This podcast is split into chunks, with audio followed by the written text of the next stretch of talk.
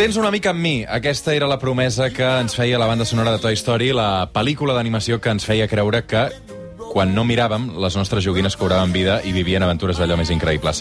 Avui, 22 de novembre de 2020, fa 25 anys que coneixem el Woody, el Buzz Lightyear, la Jessie, totes les altres joguines de l'Andy, i al suplement volem ajudar doncs, també a bufar aquestes espelmes amb el Jordi Sánchez Navarro, que ets professor de Comunicació Audiovisual de la UOC i programador de la secció d'animació del Festival de Sitges. Bon dia, Jordi. Hola, bon dia. I benvingut, gràcies per acompanyar-nos. Uh, I la Marta Ferrer, que és redactora del suplement, experta en sèries, pel·lícules i el que faci falta. Marta, què tal? Què tal? Bon dia. Recordeu la primera vegada que vau veure la pel·li o no? Perquè devia ser en moments molt diferents, també, no? Sí. Per edats, també. Uh, Jordi, tu la devies veure el dia que es va estrenar, pràcticament? Sí, sí, jo la vaig veure en el moment del, de, de la seva estrena, eh, ja com un esdeveniment, és a dir, ja sabíem que allò era molt important perquè, a més, jo havia seguit la, una mica la, la trajectòria de Pixar i de, i de Joe Lasseter com a curtmetratgista, és a dir, sabia el que havien fet fins en aquell moment eren curtmetratges, i s'esperava, s'esperava. S'esperava la pel·lícula com, com una amb la promesa d'una revolució, com efectivament va ser. I tu, Marta? Clar, jo no havia nascut quan es va estrenar la pel·lícula, vaig néixer la, un any després, uh, però no, o sigui, no recordo el primer moment que la vaig veure, la primera vegada, però sí que recordo gastar els VHS que tenia, tenia la, la primera i la segona, i les veia, però un cop i un altre i un altre, i és això, clar, amb, amb l'edat que tenia no sabia ben bé per què, però sabia que cada cop que les posava les gaudia, que, que, que, bueno, que, que m'encantaven. Per què 25 anys després continuem parlant de Toy Story, Jordi? Continuem parlant de Toy Story perquè és una pel·lícula que manté tot el seu poder, diguem, eh, abocador, narratiu, és una pel·lícula excel·lent des d'un punt de vista de narrativa audiovisual i de guió, però d'altra banda eh, és la que ha generat una de les revolucions del, en el món del cinema més important, eh, que és Pixar. Pixar ha marcat el segle, el segle XXI amb la seva producció i Toy Story és la, la llavor de tot això, és a dir, és, i encara manté el seu el seu poder d'abocador.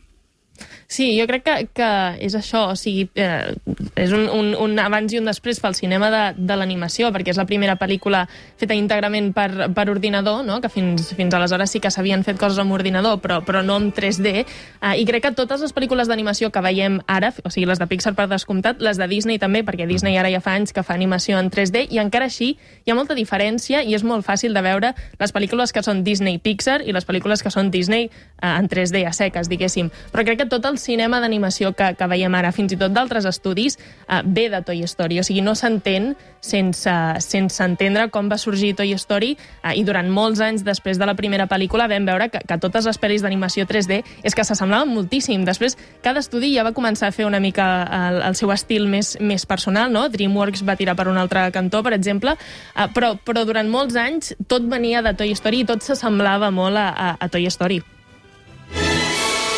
Infinity and beyond!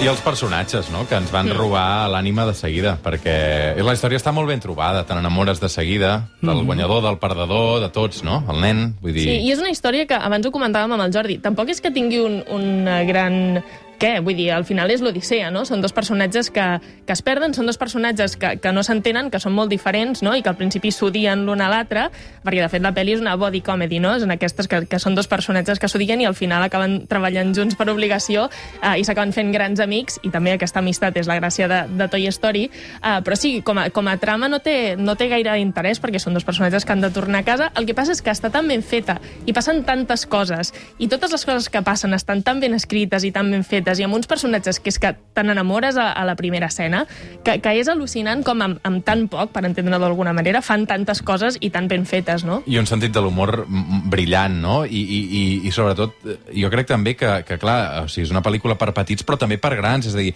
no sempre suposo que quan els pares els toca acompanyar els fills al cine, eh, ells també gaudeixen d'aquella pel·lícula. I en el cas de Toy Story eh, és per tots els públics. És per tots els públics, efectivament, i a més té un, està molt, molt, molt, molt basada en un sentit del disseny de, que agrada molt a, a la gent adulta. És a dir, pensem... Eh, hi ha una cosa interessant, i és que pensem que Pixar neix de la, de la unió de tres talents molt, molt, molt notables. En primer lloc, l'Edwin Calmun, Cadmull és el enginyer a la persona tècnic que tècnicament sap. Després, el John Lasseter és la persona que sap molt de cartoon, però és que és l'Steve Jobs qui és el fundador de Pixar, amb, amb, amb la forma que la coneixem. I Steve Jobs és un boig pel disseny, que sabem que de seguida fa molt bona... té una relació molt estreta amb el, amb el Lasseter, i es marquen el repte de fer una pel·lícula que pugui agradar a tot tipus de persones. Eh? I, és, I és molt important com es basa precisament en el disseny d'uns personatges inolvidables. Es él. Es él. Silencio, silencio. ¡Te repito que eres un juguete! ¡No eres el auténtico Buzz Lightyear! ¡Eres, eres solo un muñeco! Hasta el infinito y más allá. Eh, esos hombres son profesionales. Son los mejores. Tranquilos, saben hacer su trabajo. Som al suplement, som a Catalunya Ràdio, vull recordant uh, la història de Toy Story amb el Jordi Sánchez Navarro, amb la Marta Ferrer. Va ser una pel·lícula fàcil de vendre? Se la van creure de seguida o no? Va ser una pel·lícula que, que la idea va ser complicada, però quan es va començar a fer, mmm, tothom sabia que tenia una cosa molt important entre mans. Com deia abans, és... Eh, el Lasseter i Catmull van haver de convèncer el Steve Jobs que tenien una cosa molt important. I ells ja havien guanyat eh, molts premis i havien tingut un èxit molt, molt, molt notable amb els seus curtmetratges, sobretot l'immediatament anterior a, a, a Toy Story, i han de convèncer Steve Jobs de que allò serà una revolució. I, afortunadament, en aquell moment eh, s'acaba complint el que ells havien promès. Dic afortunadament perquè, com deia la Marta abans, és que revoluciona el món del cinema. I, sobretot, entra o obre una, una nova època, precisament amb l'entrada d'una un, persona tan important en el món de la tecnologia, el que es produeix una revolució que és la unió perfecta entre art i tecnologia que ja canviarà el cinema per sempre. I això va costar de convèncer la gent, però en quan van veure el potencial enorme van, van veure que estava clar. Marta. I gran part d'això jo crec que també és, és aquest tàndem perfecte entre Pixar i, i Disney, no? que Pixar havia fet algun curt que, que havia tingut èxit relatiu, però fins que no arriba a Disney i també posa una mica de, de la seva part, eh, no s'aconsegueix l'obra mestra que és Toy Story. No? Eh, van haver de fer moltíssimes versions del guió, perquè la, la primera versió que va fer John Lasseter amb tot l'equip, entre ells Pete Docter també, que van fer el guió de Toy Story, no s'assembla gens al que va acabar sent l'última versió, i aquí gran part d'això eren els de Disney, no? que ja havien perfeccionat la idea aquesta d'explicar històries, que ja havien fet eh, El rei León, per exemple, no? que també és una gran pel·lícula icònica de Disney, i, i una mica entre els dos es complementaven, no? El que a uns els hi faltava per part de tecnologia, no? que era el que no tenia Disney, doncs ho tenia Pixar, i el que els hi faltava a Pixar, que era la creació d'aquestes històries perfectes, doncs ho complementava Disney. I crec que per això són el gegant que són ara, no? Perquè són aquesta unió perfecta, que també és una mica caiguda del cel, perquè al final és, és una química no? que hi ha entre aquestes dues eh, productores, i que sense el, totes dues bandes no es creen les, les grans obres mestres. No? Pixar per si sol no, no serveix i Disney s'hagués quedat molt enrere. Òscar Barberan, bon dia. Bon dia. Uh, Òscar, sones fantàsticament bé i no ets a l'estudi? no, no, sóc a casa. Com, com estàs sonant ara mateix? És que a mi m'ha fascinat això. Com, com, com, per, per, on, per on estàs entrant, Òscar? Doncs per l'ordinador, tranquil·lament.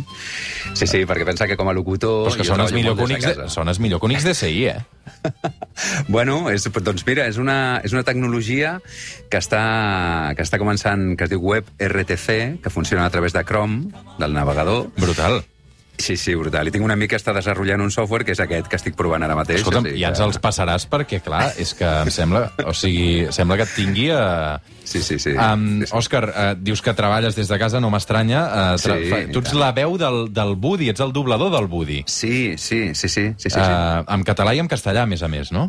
Amb les dues. Tot i que em sembla recordar que la primera jo diria que no es va arribar a fer en català, la Ah, primera. ah. I la segona ho dubto, eh? però Ah. la tercera i quarta sí. El que passa és que, clar, a, a la versió original o la versió americana, eh, qui posa veu al Woody és el Tom Hanks. Per tant, d'alguna manera el que fas és doblar Tom Hanks, no, també? Sí, sí. Eh, tot això va haver tota una història, perquè a més la veu del Tom Hanks, que és el Jordi Brau, que és un soci meu, juntament amb el Lluís Posada, que el saludo els dos des d'aquí, el Jordi Brau era la veu del Tom Hanks, però pel que fos, doncs en aquell moment Disney eh, li va semblar que igual les veus en aquell moment en, el, en aquell nino doncs no lligaven eh, bé i van començar a fer càstings i pensa que jo en aquella època portava com 3 o 4 o 5 anys fent doblatge només, vull dir, era un, un novato de primera i, i em van seleccionar perquè la meva veu semblava ser que el maig, el maig de veu que diuen ells, que és quan s'enganxen les dues veus, Clar. semblava, s'assemblava més la meva veu en aquell moment per fer, per fer el nino. Llavors jo, sí, sí, en certa manera doblo Tom Hanks.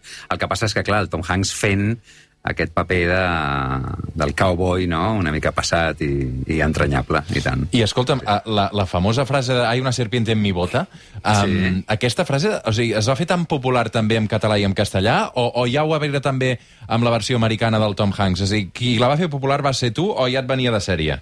No, aquesta venia de sèrie. el There's a snake in my boot, que Ah. diu ell. Llavors, a la traducció castellana de Hay una serpiente en mi bota, no? Va. Doncs, a, a més, la gràcia que tenia que era com que era el nino el que ho deia quan li estiraven del cordillet, Sí. doncs tenia aquesta cadència de Hay una serpiente en mi bota, que era com una mica així més, més avorrida la frase, però aquesta venia de l'anglès. I en castellà, per això et dic... Clar, la pel·li va arribar molt més en castellà, perquè jo crec que la primera no es va arribar a estrenar ni en català ni en vídeo. Potser més tard, amb els anys, es va redoblar, no ho recordo, jo diria que no, eh?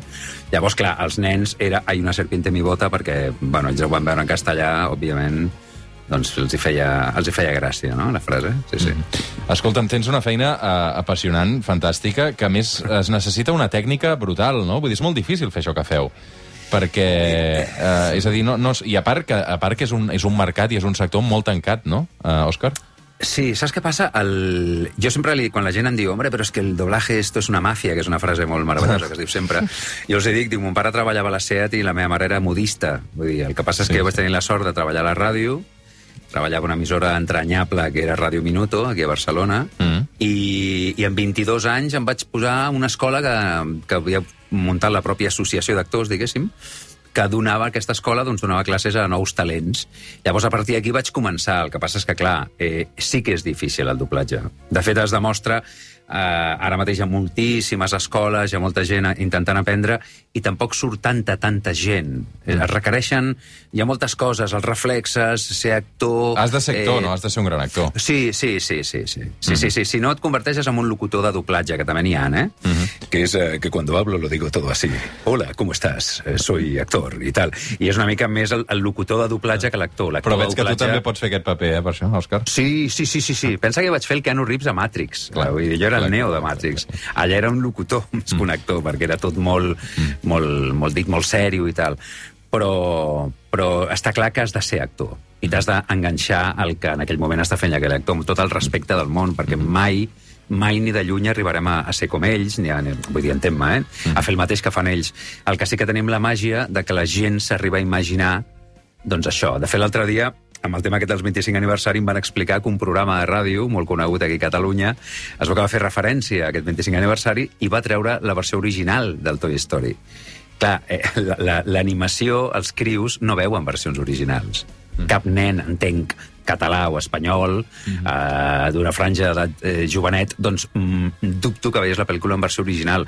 Llavors, realment, en pel·lícules d'animació, la tasca que fem és, és bona, perquè, perquè, clar, els nens els subtítols no, com que no els aguantarien o no els podrien llegir en molts casos. Llavors nosaltres ajudem a que la pel·lícula arribi.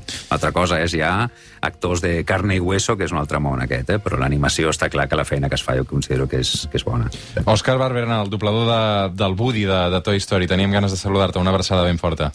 Igualment, un altre per vosaltres, que vagi bé. Adéu, adéu. Un minut per arribar a les 11 del matí. Uh, Marta Ferrer, Jordi Sánchez Navarro, un plaer també. Han ballit bé, no, Toy Story? 25 anys després es pot tornar a mirar i tu pots tornar a passar bé i veus com han begut tota la resta, no? Sí, no, i, i pots continuar veient la segona i la tercera i la quarta i les pots veure totes del tirón i te n'adones que, clar, entre la primera i la quarta hi ha molta diferència, eh, sobretot a nivell tècnic, però jo crec que és una història que, que no mor mai, que, que la, la recuperis quan la recuperis, ja pots tenir 7 anys com eh, 70, jo crec que, que t'agrada i t'atrapa igual. De fet, les quatre formen un cicle, el cicle vital de, del Woody, que val la pena... N'hi haurà veure. més o no? Que jo, jo la, la, la quarta no l'he vist. Jo espero que no n'hi hagi més. S'hauria perquè d'acabar la, ja. la tanca quarta, molt bé, tanca sí, molt bé la tanca molt bé i allargar-les ja seria innecessari i crec que acabaria atacant tot el que és la saga Toy Story. Mhm. Marta Ferrer, Jordi Sánchez Navarro, professor de Comunicació Audiovisual de la UOC i programador de la secció d'animació del Festival de Sitges. Gràcies, Jordi. Moltes gràcies. Marta, ens retrobem després dels arguments universals. Fins Gràcies. ara. Ens actualitzem amb les notícies de les 11 i de seguida tornem amb la Txell Bonet. Fins ara. El suplement, amb Roger Escapa.